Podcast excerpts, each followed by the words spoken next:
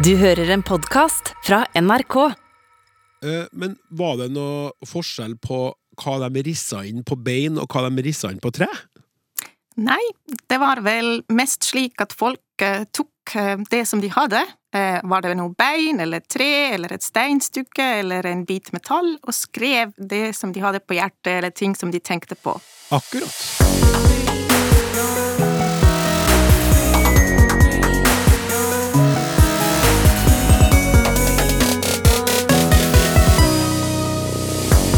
Kan et gammelt, morkent trestykke med noen tynne streker på si oss noe om verden som en gang var? Ja visst, og det både på norrøn og latin. Språksnakk med Klaus Sonstad. Hva kan runeinnskriftene som nylig dukka opp i Middelalderparken i Oslo fortelle oss mennesker i dag? Og hvordan kommuniserer statsledere og makthavere i opptrappinga av og under en væpna konflikt?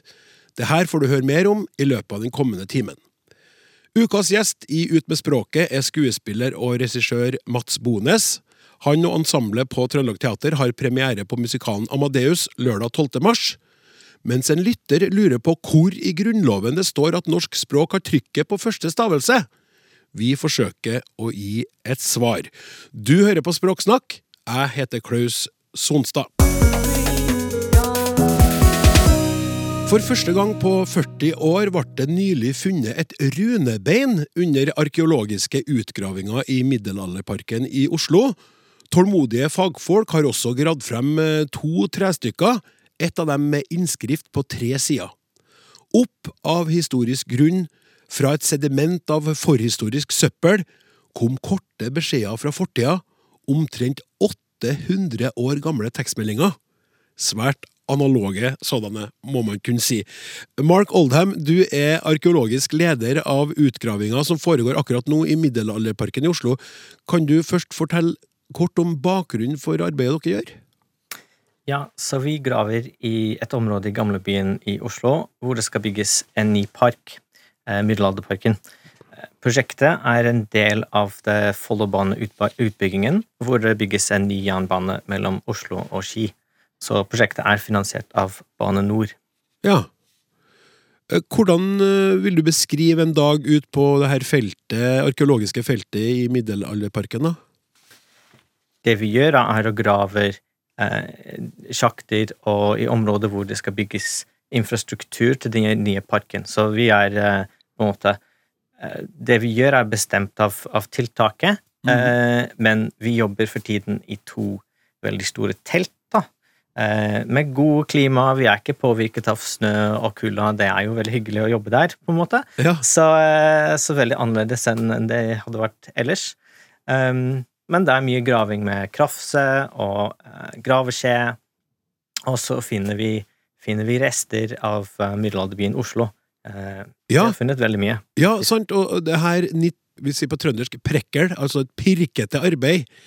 Forsiktig, forsiktig graves eh, fortida fram. Har dere greid å danne dere et bilde av eh, 1200-tallets Oslo? Ja, det, vi har eh, jobbet i dette området nå ganske mye i de siste årene med Follobaneprosjektet, blant annet, men også tidligere har det vært mange utgravninger i Oslo knyttet til eh, veiutbygging etc. Et Så, så vi har et ganske godt bilde av eh, 1200-tallet i Oslo, men dette prosjektet spesielt, den, eh, den danner et, eh, et bilde av et område som var eh, lite undersøkt fra før. Så mm. det er eh, helt ny, ny informasjon om middelalder som vi, vi finner nå. Det er jo skikkelig spennende. Hva, hva, er det, hva er det dere finner, Mark?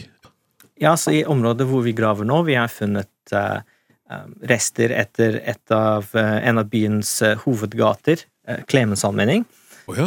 Så det er en veldig brei av sånn viktig gate for byen. Den ledet fra Klemenskirken i, i øst ned til havna i vest, og så har vi også funnet flere bygninger.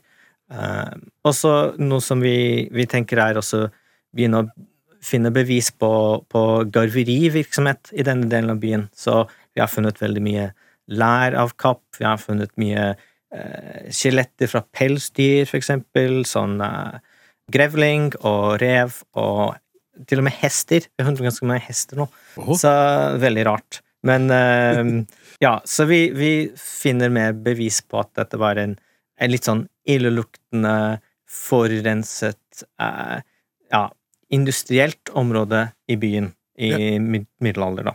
Nettopp. Og i det her eh, litt illeluktende, travle industriområdet, så var det også mennesker som eh, eh, drev og skrev, eller rissa, som det jo heter, da, på det de hadde tilgjengelig. Og der har dere også funnet da forskjellige eksempler på, på runer, da. Ja, det stemmer. Vi har jo faktisk nå funnet fem gjenstander som Fem, er ja. eh, Jeg sa, tre, jeg Ja. sa tre, men du har funnet flere nå? Ja, det kom eh, to nye i forrige uke. Ja. Så det er en til i eh, tre, og så en eh, nytt bein, da. Nytt rundbein. Så da har vi to i bein og tre i tre.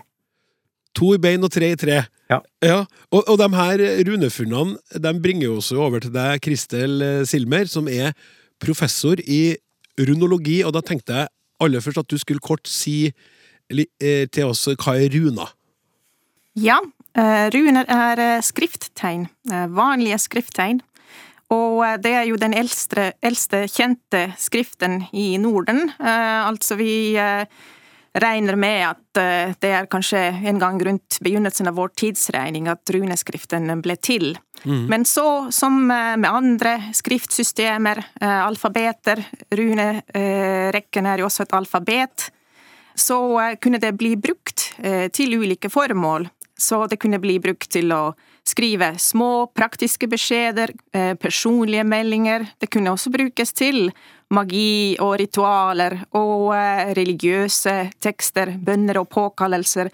Så som med all skrift, eh, så ser vi også det samme med runer, at det kunne at, eh, at de ble brukt til mye forskjellig. Men kanskje det viktigste å huske da, eh, vi runeforskere vi passer alltid på å minne folk om at runer i seg selv nok ikke var noen spesielle mystiske eller magiske symboler som man kanskje ofte får inntrykk av ut fra populære, eh, moderne forestillinger, men at det var et, altså en vanlig skrift. Ja, for det var, det var sånn som vi lærte litt på barneskolen. At runer var sånn magiske tegn, og det handla om hemmelig viten, og man kunne legge runene mot jorda for å kaste eh, trolldom mot folk og sånn. Ja, nettopp. Det er ganske vanlige forestillinger, og i disse dager så har det jo også å gjøre med det at eh, runer fortsatt brukes mye i populærkulturen også. Vi har tatoveringer, vi har filmer, vi har dataspill, apper som eh, gjør bruk av runer, og da er det ofte nettopp på en måte det magiske og mystiske som framheves ved det. Men så kommer eh, de kjedelige forskere og passer på og minner folk om at ja, ja, pass nå på, det var ikke akkurat sånn det var. Nei, og da, det aner meg da, Kristel, at eh, vi kanskje ikke skal rette på magien når vi nå skal få deg til å fortelle hva du har funnet ut at står på de her bitene. Jeg nevnte jo i sted at, eh, at eh, før Mark eh, kunne opplyse om at du har funnet mer, at det var ett stykk runde på bein, og så var det to i tre, og det ene var skrevet på flere sider. Men du kan egentlig ta over og fortelle litt. Hva det er som står, og hvor det står og sånn. Ja, vi kan eh, begynne med dette beinstykket, da. Siden det var det aller første funnet eh, fra desember eh, i fjor. Og eh, det er jo et beinstykke der det står 13 veldig fine, tydelige eh, runer. Så det var ikke noe vansker med å tyde eh, selve tegnene. Eh, For når vi arbeider med runeskrifter, så det som vi jo gjør ofte, er at vi begynner med egentlig å undersøke veldig nøye hva det er vi ser. Så identifiserer vi tegnene, og så leser vi teksten og tyder og får en mening ut av det i beste fall, da. Det er jo ikke alltid at det går an å finne en mening eh, bak eh, runerekkene som står på ulike gjenstander. Fordi runa er delvis ødelagt, eller? Noen ganger er det det som er problemet, altså at det er skader, at det er bare delvis bevart. Andre ganger er det også slik at det virker at det er noe meningsløst som står der, at det er bare en liten eh, sekvens med runer. Eh, Nesten noen ganger kan virke som at det er tilfeldig rekkefølge av tegn, eh, og så må vi liksom lure på ja, var det kanskje noe kodeskrift, eller kanskje det bare er noen som har prøvd på en liten skriveøvelse. Eller ja, nettopp at noen kanskje var runalfabet da? Ja, nettopp. Altså, man hadde jo sikkert veldig varierende kunnskaper og kjennskap til eh, skrift på denne tiden. Noen kanskje bare prøvde å etterligne noe som de syntes så litt eh, ut som runer, så vi har jo også funn av eh, runelignende tegn osv. Mens andre var nok litt mer skrivekyndige og kunne riste ned hele små tekster. Ja. Men eh, for å komme tilbake til dette beinet, Mhm. så der har vi altså, eh, som nevnt, eh, 13 runer, og de fire siste, der står det B-æ-i-n, bein, og det betyr bein. Så det er rett og slett på det runebeinet så står selve ordet bein. Ja. Og så står det noe foran også, og der er det slik at eh, som sagt, alt er lest, eh, men eh, jeg lurer fortsatt på hva egentlig er den korrekte eh, tolkningen av innskriften, for det er to muligheter her. Eh, Foran ordet bein så kan det enten stå et personnavn, eh, et kallenavn, som eksempel båtmålsbein, altså at det rett og slett er eh, runerisseren som har eh, nedtegnet eh, eh, noe mens han holdt på å riste inn eh, en liten melding på et stykke bein. Men en annen forklaring eh, er også mulig, at det kan være selve beinet som beskrives. Eh, og eh, det er mulig å tolke det også som bås- eller fjøsbukkens bein. Selv om det ikke nødvendigvis var et bukkebein. altså eh, Det kan arkeologene og osteologene kommentere nærmere. Men, men i så fall kan det også være en sånn humoristisk tekst som kanskje påstår noe om beinet, selv om det egentlig ikke var et bukkebein. Jeg skjønner, altså, men hva, er det en greie at kan runer også være eh, humor?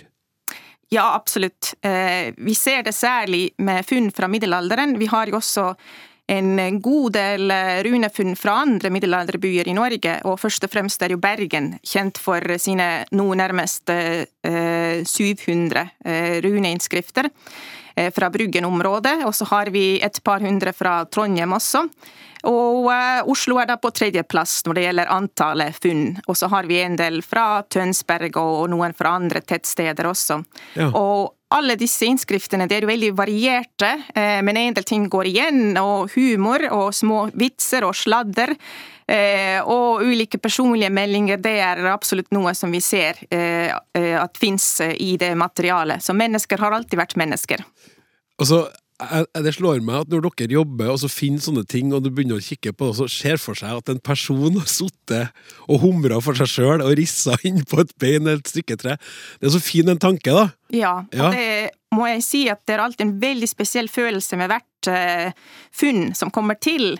Eh, hver gang så, når jeg faktisk får mulighet da til å eh, gå og undersøke hva det dreier seg om, så eh, hver gang er liksom det øyeblikket å ta denne lille gjenstanden i hendene, om det er et stykke bein eller om det er en liten trepinne, holde det i hendene og, eh, og se på det som er risset inn der, og tenke på de menneskene som har eh, holdt det i sine hender en gang for mange, mange eh, hundre år siden.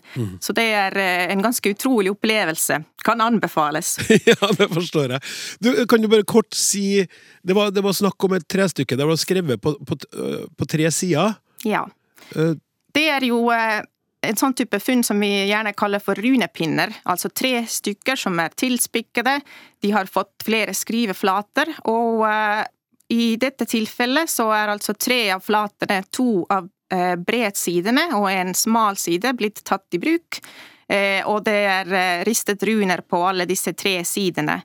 Og vi har, det er en interessant tekst her, altså det er delvis skadet, altså noen av endene er litt eh, skadet, eh, så kanskje litt av teksten er borte, men det som vi kan lese gir fortsatt god mening, og eh, vi ser annet at på den ene bredsiden står det to ord på latin, og det er eh, manus domini, eller domine, som vel betyr Herrens hånd. Og så har vi en liten setning på smalsiden som eh, med stor sannsynlighet eh, sier det er sant.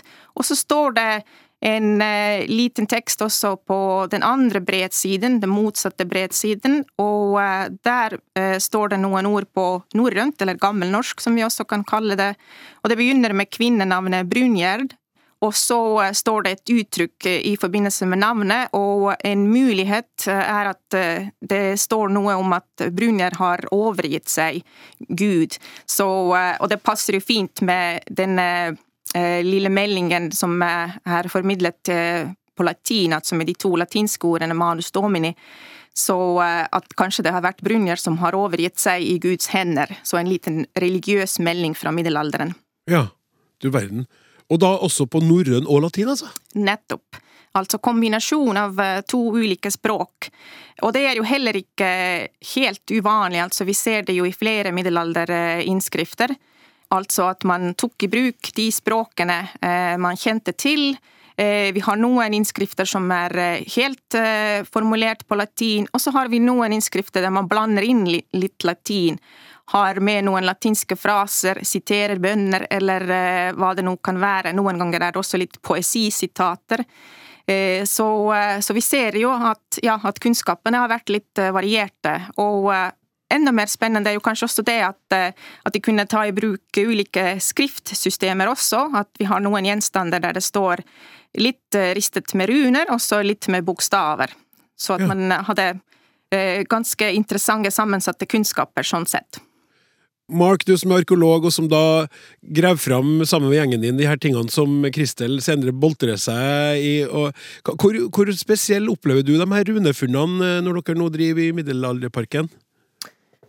Ja, de må jo oppleves som veldig uh, spennende og uh, interessante, og uh, spesielle. Jeg, jeg husker da jeg får bilde på SMS, ikke sant. Der har vi funnet den! ikke sant?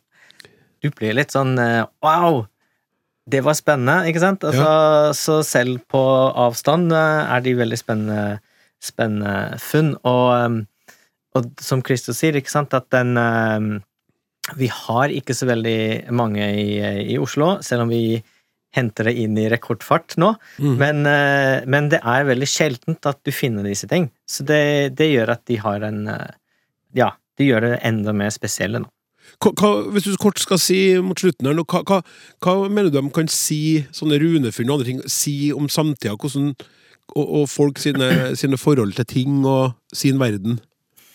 Men jeg tenker at, at disse, disse, funnene, de er eh, De viser veldig sånn menneskelighet. ikke sant? De er eh, personlighet. Det er, de er alt fra disse sånn kortbeskjeder til bare drodlinger og vitser og ordspill og merkelapper vi har funnet, og sikkert sånn bevis på handel og, og sånt, og så religiøst innhold. Så det, det er jo noe som, som, som viser til, en stor grad at, at menneskene og, i middelalderen var også ganske like vi oss i dag, at de hadde samme sånn, tanker og gjorde det samme, sånn, samme ting. Da. Mm -hmm. uh, så det, det, er noe som, som gjør at man føler en, uh, en, en nærhet til de, til de, folk som bodde der i, for 800 år siden. Ja.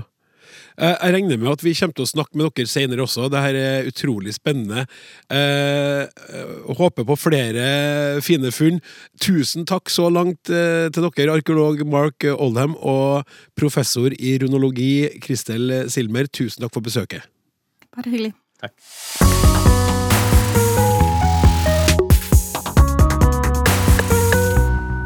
Hvis du har lyst til å se på 3D-modeller av de her rundefunnene, runefunnene, så kan du gå inn på niku.no, så finnes de der. Nå skal vi over til et tilsvar som har kommet inn til snakk krøllalfa.nrk.no. Hei! Hørte nettopp Språksnakk i reprise, der Wall of Feminism i Trondheim ble nevnt. Vi kan høre på et lite klipp fra den sendinga. Trondheim er jo også, eh, har jo det samme problemet. Vi kommer til Trondheim. Vi skal eh, definitivt prøve å lage en eh, feministisk ja! vandring, i hvert fall i første omgang, rundt i Trondheims gater. Og det er jo veldig mye som skjer der. Dere har jo fått, har jo fått et sånn feministhus de siste åra, og en mm. wall of feminism med bilder. På engelsk og ikke trøndersk? Det heter wall of feminism, jeg vet ikke hvorfor. Klaus, hvorfor heter det det? Nei, det, det, det har ingenting med språksnakk om meg å gjøre, så det kan ikke jeg svare på. Nei, det kunne ikke jeg svare på, men eh, det kan eh, innsenderen svare på. Det engelske navnet kan helt sikkert diskuteres, men ideen har sin opprinnelse i Trondheims nye feministhus, samt i Rockheims Hall of Fame. Vi ville lage feministhuset Hall of Fame, så drodla vi litt videre og landa på feministhusets Wall of Feminism. Vi tenker stort, og vil, og vil veldig gjerne eksportere ideen til hele verden, og har sikra oss domenenavnet. Overalt blir kvinner usynliggjort og avglemt. Under jobbinga med veggen har vi oppdaga en hel hærskare flotte, dyktige, modige kvinner med tilknytning til Trondheim. Mange nærmest ukjente i dag, disse damene vil vi løfte fram og hylle. 30 kvinneportretter ble avduka på Kvinnehistorisk natt 8. mai i fjor. 8. mai i år kommer ti nye navn. Språksnakk-redaksjonen er veldig velkommen til å delta. Hilsen mødrene til Wall of Feminism, Berit Rusten og Haldis Nergård.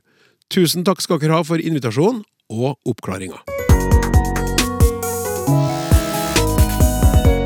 Like etter at Russlands president Vladimir Putin visstnok ga løfter om å avstå fra nye militære initiativer, så kalte han Ukrainas regjering for narkomane nynazister og iverksatte en massiv invasjon av nabolandet, som nå bombes sønder og sammen. Hva slags retoriske grep bruker Putin for å rettferdiggjøre sine krigshandlinger, og hvordan skiller de seg fra måten Ukrainas president eh, Volodymyr Zelenskyj kommuniserer på? Det skal vi forsøke å gi et svar på nå, og derfor har vi fått besøk av deg, professor i retorikk Jens Elmelund Kjeldsen. Velkommen til oss. Tusen takk skal du ha. Skal vi starte med å ta for oss eh, Putin, og hvordan han bruker språk og kommunikasjon for å rettferdiggjøre det han nå er i gang med i Ukraina? Ja, det kan vi godt. For Putin han er jo på mange måter den retorikken han har brukt, er veldig sånn tradisjonell, klassisk eh, krigsretorikk. Mm. Og du brukte det riktige ordet, kan man si. Altså Han forsøker å rettferdiggjøre eller legitimere disse krigshandlingene. Og Det er jo vanligvis det som, som krigsretorikk handler om. Man gjør noe fryktelig. Man går inn i andre land, man bruker våpen, man slår rett og slett folk i hjel. Og det virker rart, men selv når man gjør denne type ting, når man har militære menneskelige overgrep, så finnes det en slags regel om at man må rettferdiggjøre det. Mm. Man kan altså ikke bare slå folk i hjel. Man må legitimere det. Og det er det som uh, Putin gjør, og som alle andre gjør. I, I, retorikken kaller vi det doktrinen om den rettferdige krigen. Og Den har fire, fire trinn. Og Det første trinnet det er at man må eh, vise at en betydelig forbrytelse har blitt begått. Altså noe forferdelig, forferdelig har skjedd, så der er man nødt til å svare på det. Ja. Det er akkurat det øh, Putin gjør. For eksempel så snakker han om folkemord. Han snakker om blodige forbrytelser mot sivile. Han har på en måte satt Nato og Ukraina i én boks og antyder at de vil angripe Russland. Så dette kjenner vi jo fra tidligere kriger. F.eks. Øh, med USA, som jo lærte oss ordet forkjøpskrig. Mm. Altså Vi går til angrep fordi vi tror de andre vil angripe, angripe mm. oss. Mm. Altså Det ene er altså at man har begått forferdelige forbrytelser. Enten at folk vil angripe deg, eller at de har, har gjort forbrytelser mot sivile og sånt. Mm. Det fins også et annet argument, faktisk, nemlig at noen andre er blitt undertrykt eller angrepet. Det husker vi fra Kuwait-krigen, eller Gulfkrigen, hvor Bush senior jo gikk inn for å redde Kuwait. Kuwait var på en måte prinsessen som var blitt øh, fanget og voldtatt av, Saddam Hussein, og nå skulle hun befries. Ja, Putin har jo snakka ja. om de her øh, utbryterområdene, ikke sant? Og der er det snakk om folkemord. Ja. Ja, og Det er veldig interessant, for veldig mye sånn krigsretorikk og det så vi med Putin også, blir forberedt sånn skritt for skritt. Først begynte han å snakke om Luhansk og Donetsk, disse utbryterregionene, som egentlig ikke var ukrainske, sa han. Og egentlig implisitt var de russiske. Så da nærmer du deg sånn langsomt og langsomt. Og selv om han sa der, som du nevnte, at han ikke ville invadere, så gjorde han jo det til sist for å befri disse mennesker som Ukraina undertrykker. Mm. Disse mennesker som uh, er utsatt for folkemord, selv om det ikke er noe som helst bevis på et slikt uh, folkemord. Mm. Og så, så, er det et nytt punkt som kommer som en følge av det første. Ja, ikke sant? For du kan jo ikke bare begynne å angripe folk og så si at det er rettferdig. Så vil folk si ja, men stopp, stopp litt. Har vi, har vi, forsøkt andre muligheter? Har vi forsøkt å forhandle? Har du uh, diskutert med de du angriper? Så punkt nummer to er om alle midler, bortsett fra krig, er blitt forsøkt. Mm. Han holdt jo Putin en veldig lang tale hvor han ramset opp alle de urettferdigheter folk hadde gjort mot han og mot uh, Russland. Han sa f.eks.: Vi har gjennom 30 år, år forsøkt å nå til en enighet med Nato. Mm. Så han gir liksom uttrykk for vi har prøvd og prøvd og prøvd, men de vil jo ikke høre.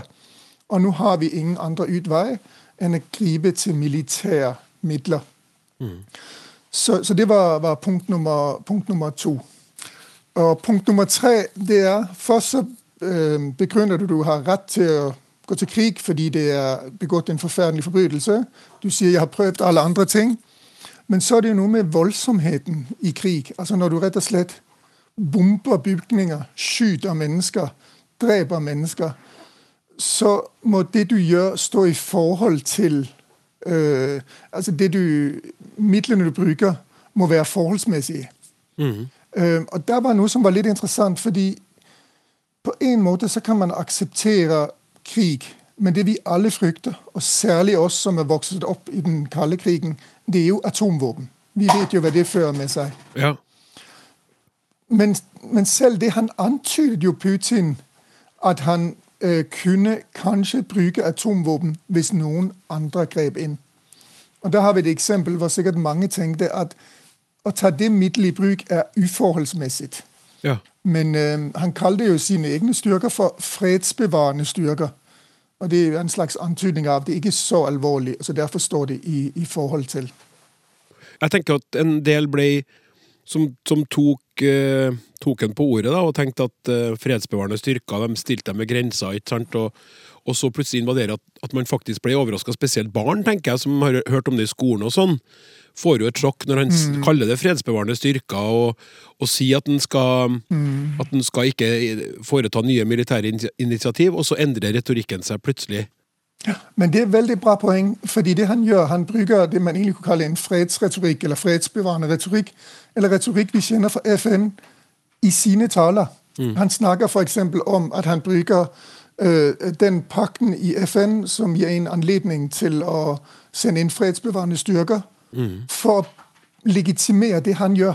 Så han bruker den samme retorikken som Vesten har brukt for å rettferdiggjøre ting og for å skape fred.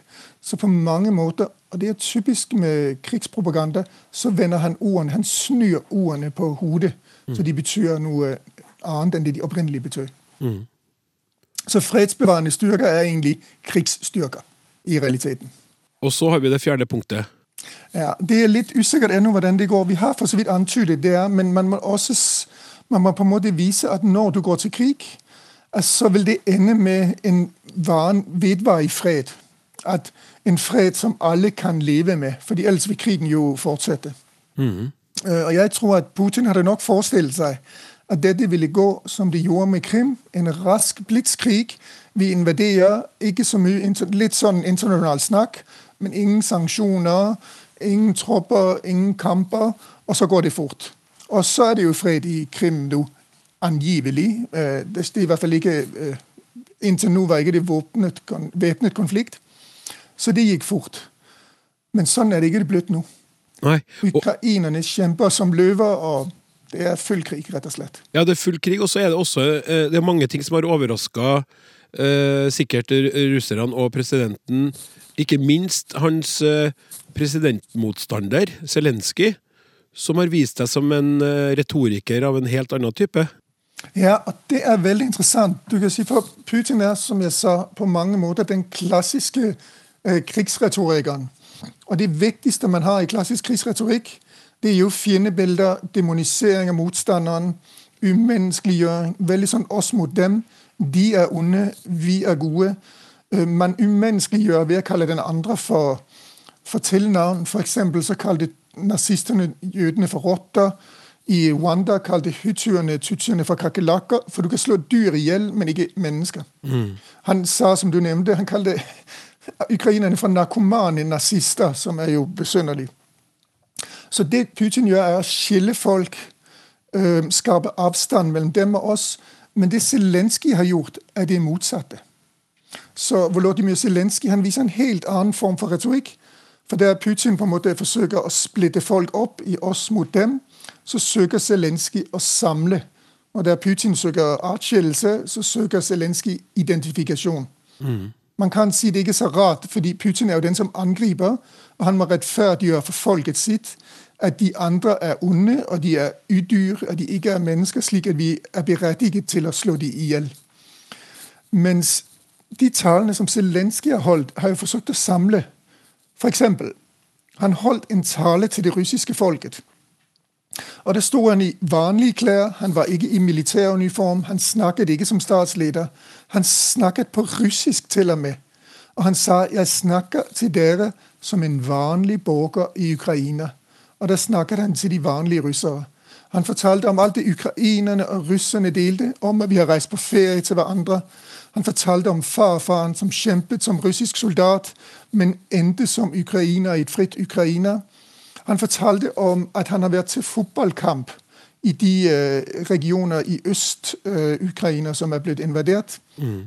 Drukket øl sammen med folk, delt tapet i Europacupen om at russere og ukrainere er venner og naboer. Så han var en av folket som snakket til folket. Så det han forsøkte der, det var å si jeg er et vanlig menneske, akkurat som dere vanlige russere. Vi burde ikke, er implikasjonen da, vi burde ikke krige mot hverandre. Nei. Ja, nei, det er bare jeg tenker på det du sier nå, det slår meg at mens han sier at jeg er et vanlig menneske, så er det sånn at det virker som Putin sier jeg er Russland, ikke sant? det er jeg som bestemmer, det er jeg som er den ene som styrer alt.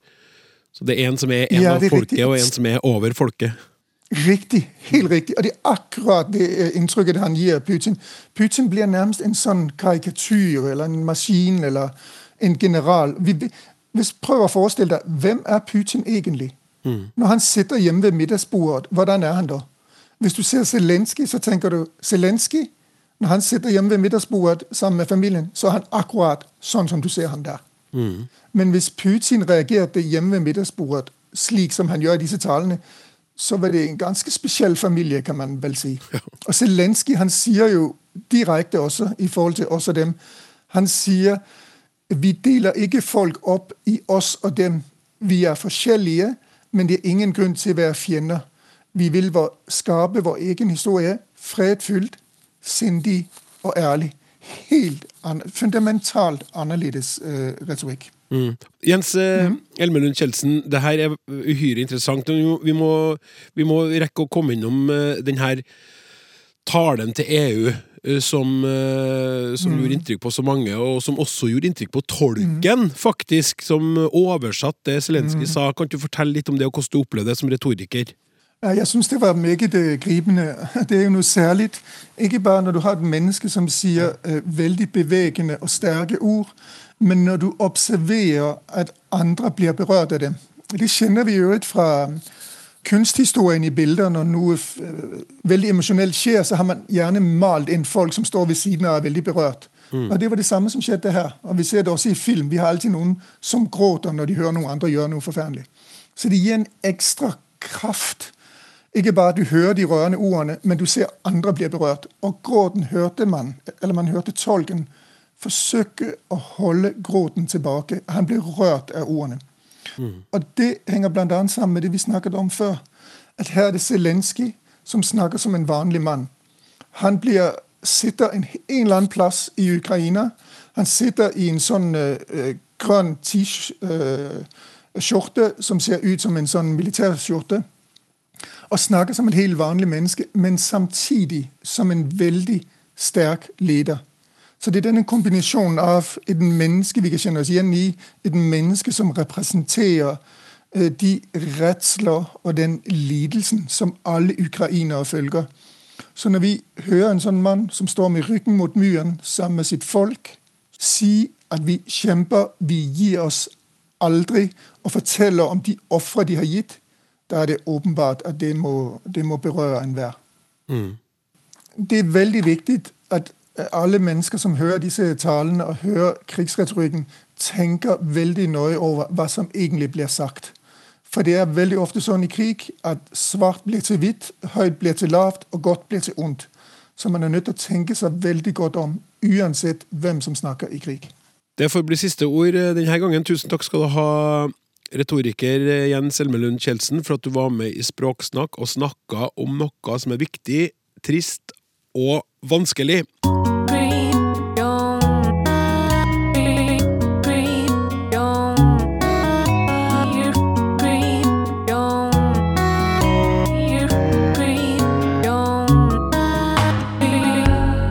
Nestemann ut er skuespiller og regissør, og har kun ei uke igjen til å finslipe ensemblet sin innsats før teppet går opp for Amadeus på Trøndelag Teater. Heldigvis fant han likevel tid til å stille som gjest i Ut med språket. Språksnakk i appen NRK Radio. Mats Bones, velkommen. Tusen hjertelig takk. Neste helg så er du premiereklar med din versjon av musikkteaterstykket Amadeus på Trøndelag Teater. Og for de fleste over en viss alder, i hvert fall, så er kanskje Amadeus mest kjent som en eh, ganske så vellykka film fra 1984. I Milos eh, Formann sin regi. Nå snakker jeg om min, min, min, generasjon og oppover. Og der var vi definitivt til stede i en sånn burlesk versjon av 1700-tallets Wien. Mens du har lagt historien til 1970-tallets Østerrike? Ja, i hvert fall et tenkt 70-tall. Et eh, inspirert av det 70-tallet var for oss. Og når jeg sier var for oss, så var ikke det for meg, for jeg var ikke født på 70-tallet. Men, eh, men, likevel, hva, hva den på en måte eh, musikalske brytningstida hadde å si for, eh, for, musikken og for kunsten og for, for underholdninga, så var det egentlig et forsøk på Eller det er et forsøk på å se om det er sånn at virtuosen Mozart, da, som, eh, som, som, som har overlevd eh, så mange epoker, eh, tåler han tidas tann hvis man leker leken hva om han var født i en annen tid? Ja. Så det var på et slags musikalsk utgangspunkt for prosjektet. Da. Samtidig som, eh, som jeg syns det var interessant å, å, se på altså, det eventyret som ligger i konspirasjonsteorien som ligger i bånn her, da, som mm -hmm. er at det var Salieri som, eh, som drev eh, Mozart inn i vanvidd, og på veldig mange vis forårsaka hans død.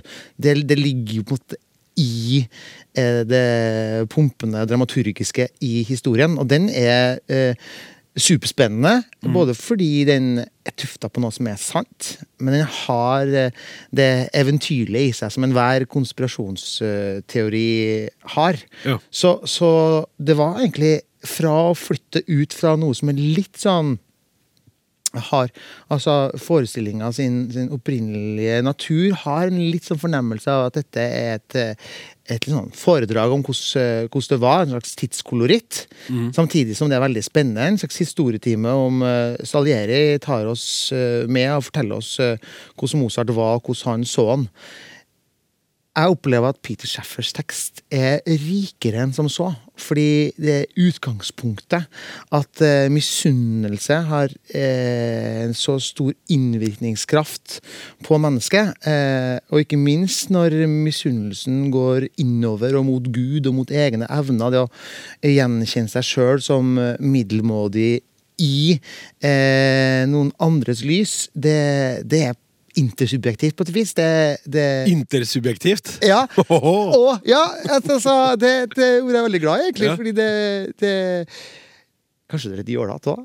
Eh, men for meg så bruker jeg det ganske ofte, for det egentlig bare handler jeg opplever at det handler om at det er allmenngyldig. Det er forståelig på flere nivåer. Mm. Eh, det kan være forståelig på et eh, intellektuelt nivå, men det kan være forståelig på et helt sånn taktilt nivå. Det kan være forståelig på et helt sånn, sånn selvfølgelig nivå også. Mm. Og det, det, tror jeg akkurat dette konseptet med misunnelse og sjalusi og alt dette eh, på en måte rører i oss. Og det å flytte en historie som er så forankra i en bestemt tid, over i en annen tid, eh, gjør at vi eh, kan et, åpne opp Til et sånt studio?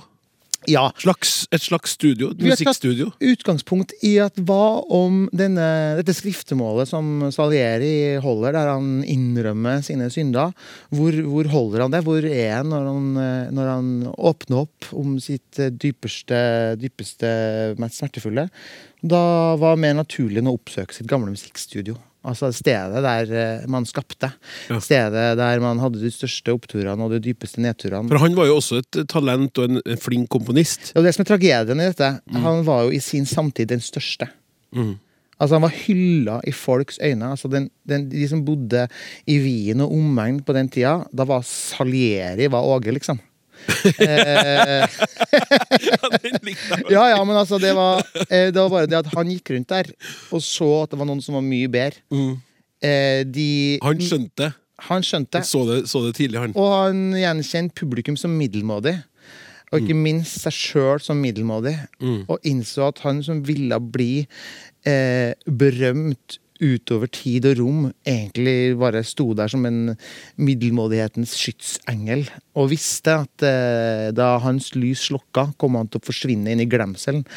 Mens sannsynligvis ville Guds stemme Mozart leve evig. Og det hadde han Det var fint han, sagt, det, eh, Mats. Du sa noe. jo, takk. Men du, jeg hører jo noe Jeg, jeg stryker et spørsmål her. Jeg hører jo hva det er du liker med denne historien. Men jeg har lyst til å sånn, ehm, Du nevnte jo han som har skrevet det her teaterstykket. Schaffer. Pete Schaffer, ja. Ja, Schaffer. Eh, hvordan, eh, hvilke utfordringer har du møtt i arbeidet med manus? Eh, altså, du, du forholder deg jo til teksten til noen andre, som Mm. du skal da gjøre på ditt vis. Og det er første gang jeg gjør som regissør. Eh, Jeg har vært veldig opptatt av å fortelle nye historier. eh, Og skrive historier eh, sjøl og i samarbeid. Som skal vi skal komme tilbake til. Ikke sant? Så, så denne øvelsen i å ta en klassisk tekst Mm. eh, og iscenesette den, det har vært en formidabel utfordring. Eh, og, og først handla det om å finne den riktige historien. Det var et mylder å velge i. Altså fra Shakespeare til Ibsen til Tennessee Williams til ja, you name it, for å bruke et engelsk uttrykk. Eh, så, så det at jeg endte opp med Peter Shaffers tekst, som, eh, som jo eh, handler om en eh, virtuos og hans nemesis, det mm, det var vel der det starta. At, at jeg opplevde at dette her er en historie som kan fortelles i dag. Dette kan fortelles ikke minst igjen. Men det å knekke kodene slik at man kan få et friskt blikk på en klassisk tekst, samtidig som man lar de skrevne tankene oppstå på nytt, det, er, det har vært et, et benspenn som jeg har eh, kost meg noe helt vanvittig med. Det å, det å se ok, det var dette Peter Shaffer tenkte. Men hva om vi tenker at dette går an å tenke om Ja. samme teksten? Ja, for det, det der lurer jeg på. Jeg må bare bryte inn nå, for jeg har jo også hatt teatersjefen på Trøndelag Teater som gjest i Ut med språket.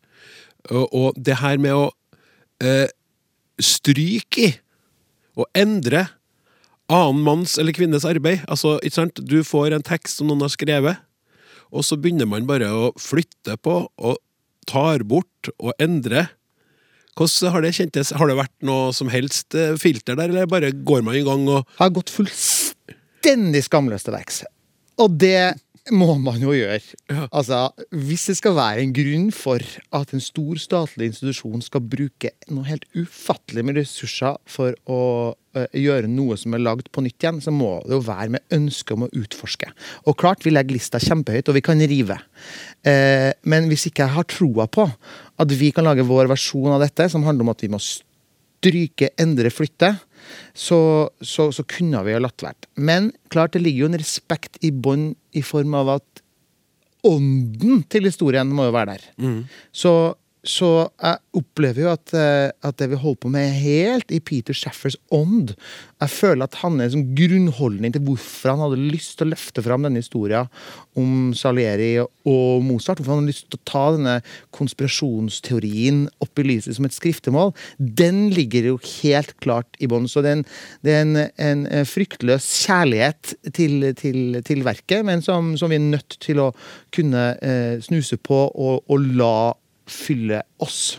Og det handler jo selvfølgelig Én ting er hva jeg tenker og hva jeg mener, men dette er jo noe som skal eh, ta bolig i skuespillerne. Så klart, når du, når du da har eh, flere av landets beste skuespillere på brettet, så er man jo hvis, jeg, hvis man skal tre over nedover hodet på dem, så ville det vært å, å gjort skam på, på kunstformen. Så det å, det å bli kjent med dem og se hvordan ordene til Shaffer fyller deres kjøtt og blod, har vært en stor del av arbeidet. Men i dramatikk så er det kanskje det aller viktigste er jo det som ikke sies. Ja. Altså det som ligger mellom ordene.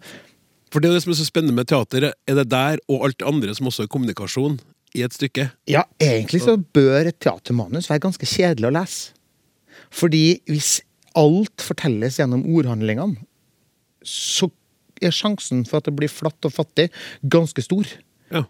Det er handlinga som ligger under, eh, som må fram, og som kan fortelles på 10 000 forskjellige måter. Og det, det syns jeg er spennende.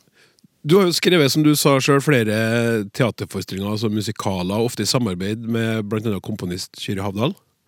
Uh, og dere har skrevet Alice, Alice i Vidunderland og En julenattsdrøm, som begge ble oppført på Nationaltheatret.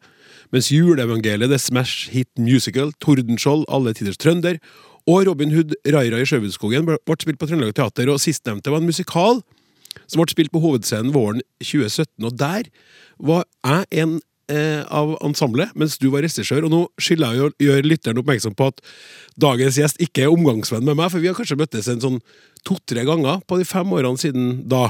Men poenget med at jeg tar det fram nå, er at en av de tingene jeg husker veldig godt fra øvingsprosessen, var at da vi begynte å øve på teatret, så var ikke manuset helt ferdig. Det var nesten ferdig.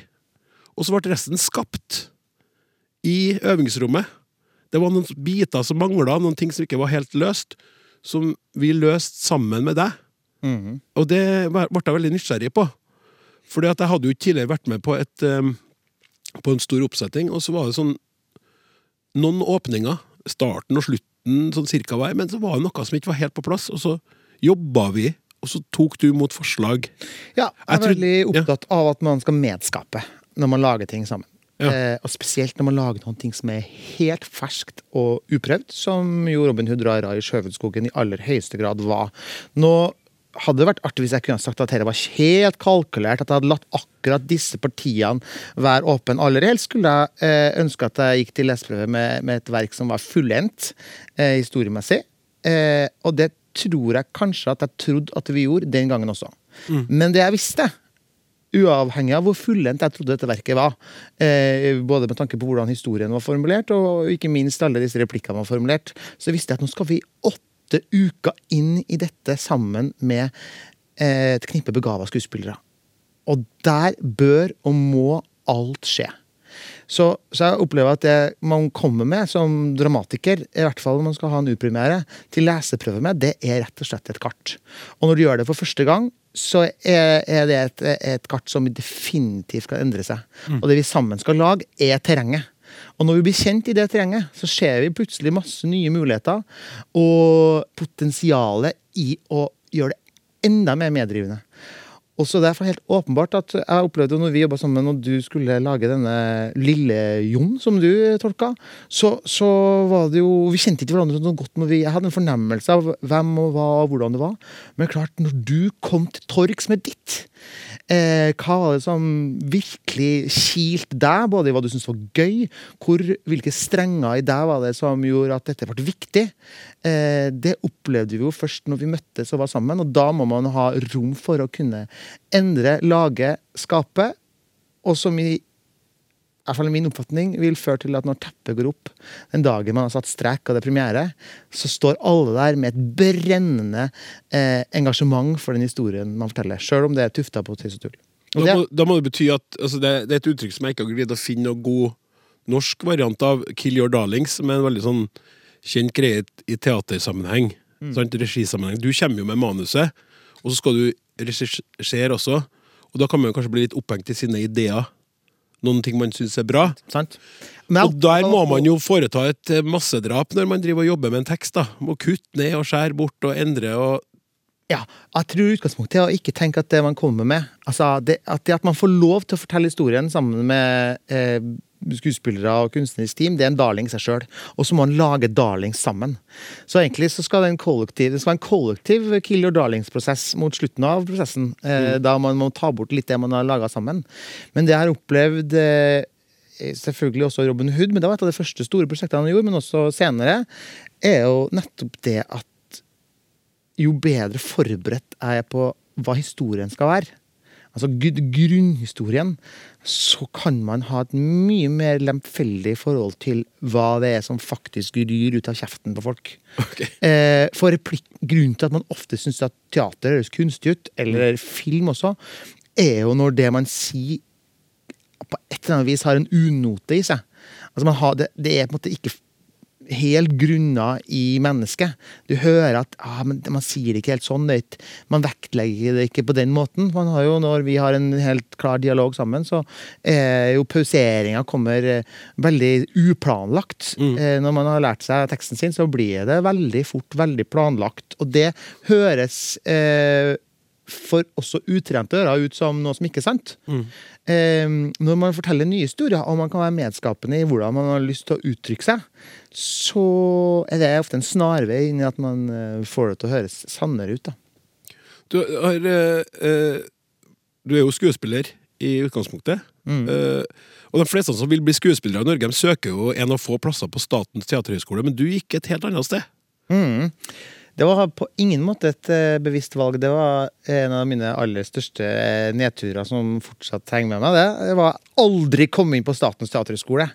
Eh, og det jeg søkte sikkert sju ganger. Eh, og veksla mellom å komme til lav siste prøve, eh, og så ryke ut på første runde, og så komme til andre prøve, og så til siste. Ah, og det var på en måte for min del var det sånn at hvis ikke man kom inn der, så kunne man bare eh, drite i det.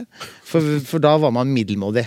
Eh, apropos Salieri. Så jeg hadde ikke lyst til å skride til verket som en middelmådig skuespiller som har gått og kjøpt seg eh, utdannelse i utlandet.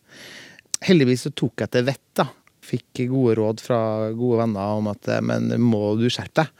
Det fins andre veier. Det fins andre veier, Så må du jo finne ut hva, hva, hva Er det din drøm å komme inn på en utdannelse, eller er det din drøm å leve av å virke som skuespiller? Og der skjønte jeg jo plutselig at det er jo, det er jo sant, det. Og jeg tror at jeg hadde godt av å gå den litt tyngre veien, for jeg tror jeg hadde i hvert fall eh, anlegg for å bli cocky. Eh, så jeg, hvis jeg hadde susa inn på Teaterhøgskolen på første forsøk, da jeg var på tredjeprøve der, som verdensmester fra Trondheim, så, så kunne jeg gått veldig galt veldig fort. Så at jeg har vært sendt til en sånn russisk eh, teaterskole i et nedlagt slakteri i Århus, der kuene ble slakta i ene rommet, og vi ble slakta i det andre, og du ble fillerista som bare russere kan. Det var russere som, eh, som er gode venner med i dag, som har eh, det grusomt med det som skjer. Så mm.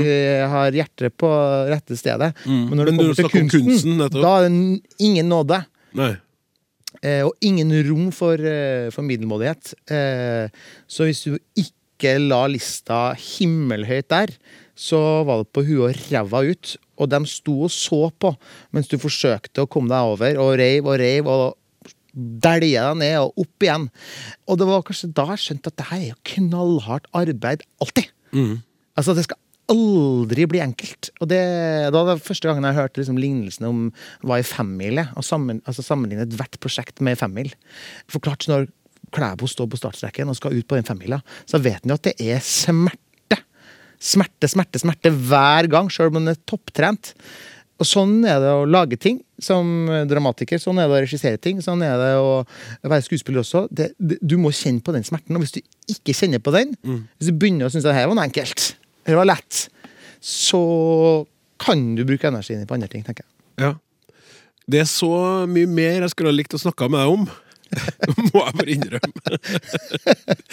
Eh, men, eh, men, eh, vi har jo ikke all verdens tid. Vi har andre ting også i programmet. Og jeg er jo spent på det spørsmålet som, som kommer her nå. Fordi at du omgir deg jo så mye med ord i manus og på scene overalt. Så da lurer jeg på, Mats Bones, om du kan Si meg, hva er ditt favorittord? Og det er en av de tingene jeg gleder meg med å komme på uh, dette programmet. Uh, som jeg koser meg maks med å høre på sjøl. Uh, også når man kommer til det punktet. Hva er favorittordet til gjesten? Uh, og der har man jo lyst til å være smart, som man alltid har lyst til å være når man får spørsmål. Men, men egentlig så har jeg hele tida visst hva som har vært mitt favorittord når jeg som har hørt andre svart på det. Og jeg lufta det med kjæresten min. Kan jeg si det? Ja, men det er jo det som er favorittordet ditt. Så det er jo ikke noe For jeg er litt jålete å si det. Eh, nei da, du er litt jålete, sier jeg òg, da. Men eh, det, det, det, er et ord som jeg hadde med, jeg har brukt det som en, en, del av en tittel en gang også. Det er eh, måtte, ordet som kan male ut noe veldig positivt. Kjem det svaret snart? Nei da, det er rett og slett vidunderlig. Eh, som lenge for meg var liksom vidunderlig. Det var et slags brak i ordet. Eh, dundre i vidunderlig. Helt til eh, jeg tror jeg gikk på Romerike folkeskole, ble lært av min teaterlærer at eh, du må få vekk dundre i vidunderlig. Fordi det er underlig i vid forstand. Og når jeg ah, skjønte det er den første Vidunderlig. Det er underlig i vid forstand. Vidunderlig. Og det, det er et så altomfattende ord. Som ikke bare at det var kjempekoselig eller strålende. Det er bare det er noe som beskriver noe du knapt kan sette ord på. Og jeg eh, laga en adopsjon av Alice in Wonderland, som ofte er oversatt til Alice i Eventyrland, som er en litt sånn svak oversettelse av Wonderland. Eh, og endte med å kalle det eh, Alice i Vidunderland. Og begynte å lete etter liksom, ordet vidunder sin, eh, sin, opprinnelse og se hvordan det er blitt brukt. Og jeg lurer på om det er Wergeland som, som tidlig brukte det, der han beskrev liksom eh, eh altså, altså, Han beskrev knoppen som en eh, forårsdag slår ut i et vidunder. Og det er akkurat det som skjer når man, når man slår ut i blomst. ja, og Ibsen, Nora, da måtte det vidunderligste skje. Det vidunderligste skje, ja. ja. Det når jeg liksom omfavner det ordet allerede i sånn 20-årsalderen til å være Når du virkelig mangler ord, så er det vidunderlige. Så, så har det vært på meg som et uh, viktig ord. Tusen takk skal du ha. Veldig hyggelig å være her. Jeg håper premieren blir en vidunderlig opplevelse for deg. Det er det vi jobber mot, i hvert fall. Vi har lagt lista der. Det er målet.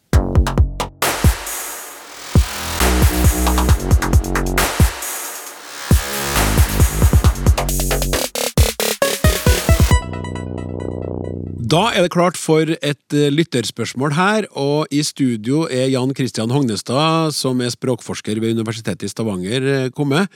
Eh, og han skal få bryne seg på følgende gode og grundige e-post til snakk krøllalfa.nrk.no fra Jostein Andreassen.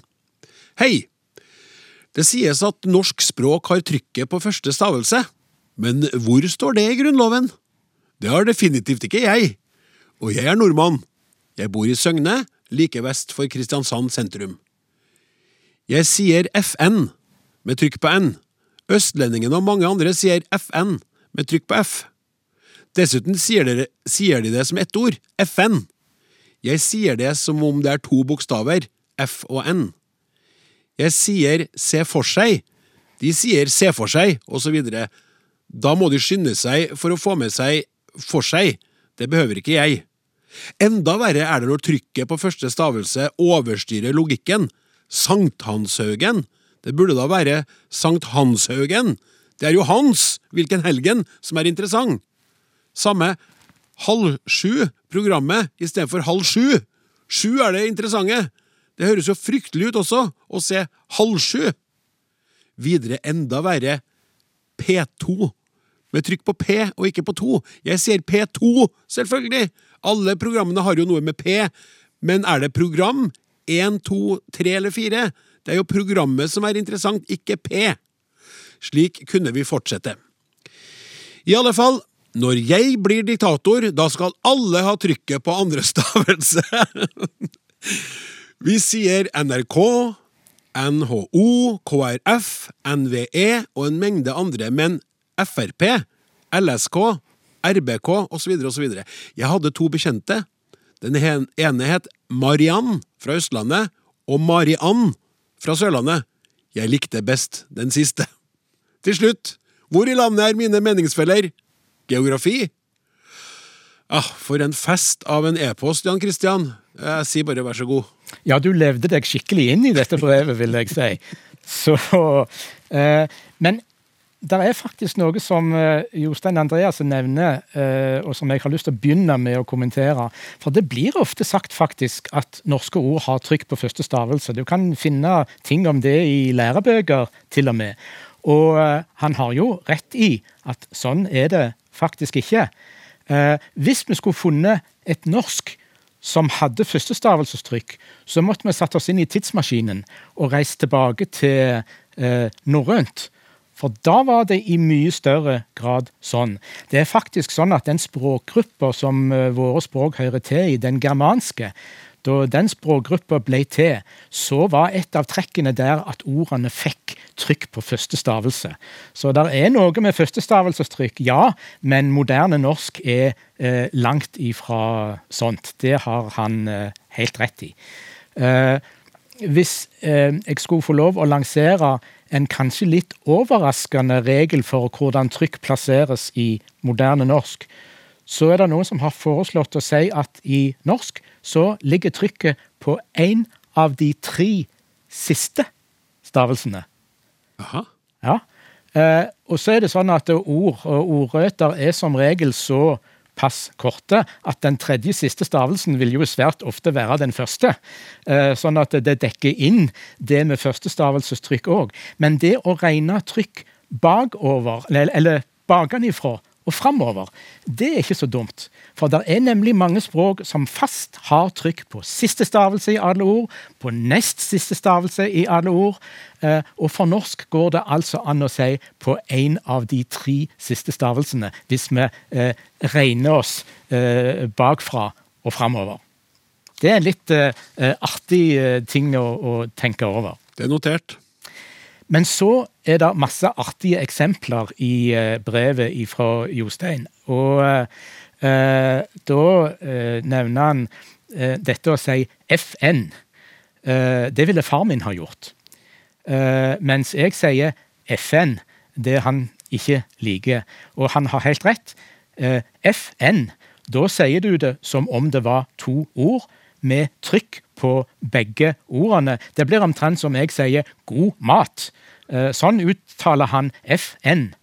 Mens eh, min uttale, FN, det er omtrent som når jeg sier peisved. Og det jeg gjør da, er å bruke tonelag. Eh, og legge en tonelagsmelodi over F-en og N-en, og da gjør jeg det virkelig til ett ord. Og så spør Jostein Andreassen hvor er geografien i dette? Og da tror jeg jeg må si dette er ikke geografi, dette er generasjon. Eh, for ah. FN og OL og VM tror jeg nesten har fått feste i hele landet eh, i dag. Så FN, OL, VG, det tror jeg er mer av et generasjonsfenomen. Men så eh, har jo han litt sånn front mot mot østlendinger her. Uh, og, og, liker ikke en del uttaleformer som han finner. Og der har han nok rett i at det er noe i østnorsk som slår inn i noen av disse eksemplene. For østnorske dialekter har veldig ofte førstestavelsestrykk og tonelag to i en del ord. Klassiske eksempler er jo banan og stasjon. Former som eh, tidligere iallfall har vært sett litt ned på eh, av mange. De har ikke vært helt sånn eh, skikkelige. Tanta eh, mi, tanta mi på, eh, er på stasjon. Ja. Sånn Laga et helt ja. dikt på 50-årsdagen. Ja. Sånn stasjon og situasjon. Og, mm. Mm. Nettopp. Og stasjon og banan, det er jo ord som går inn i et sånt mønster. Og der finner du òg gå opp, og ikke gå opp. Uh, slå av, ikke slå av. Uh, de formene finner du faktisk òg i Stavanger, så de brer seg nok, eh, de òg. Men hvis en aksepterer at det går an å si stasjon og banan, så er, for å si det sånn, ikke veien så lang til Sankthanshaugen. Okay. Det er samme sak, eh, samme mønster. Så her eh, står vi i en lang og etter mitt syn flott tradisjon eh, i østnorske dialekter. Tusen takk skal du ha, Jan Kristian. Språksnakk er over for i dag. Velkommen tilbake neste gang. Tekniker Martin Våge, produsent Hilde Zahl og programleder Klaus Sonstad risser rolig inn takk for oss på rundepinnen. Vi snakkes!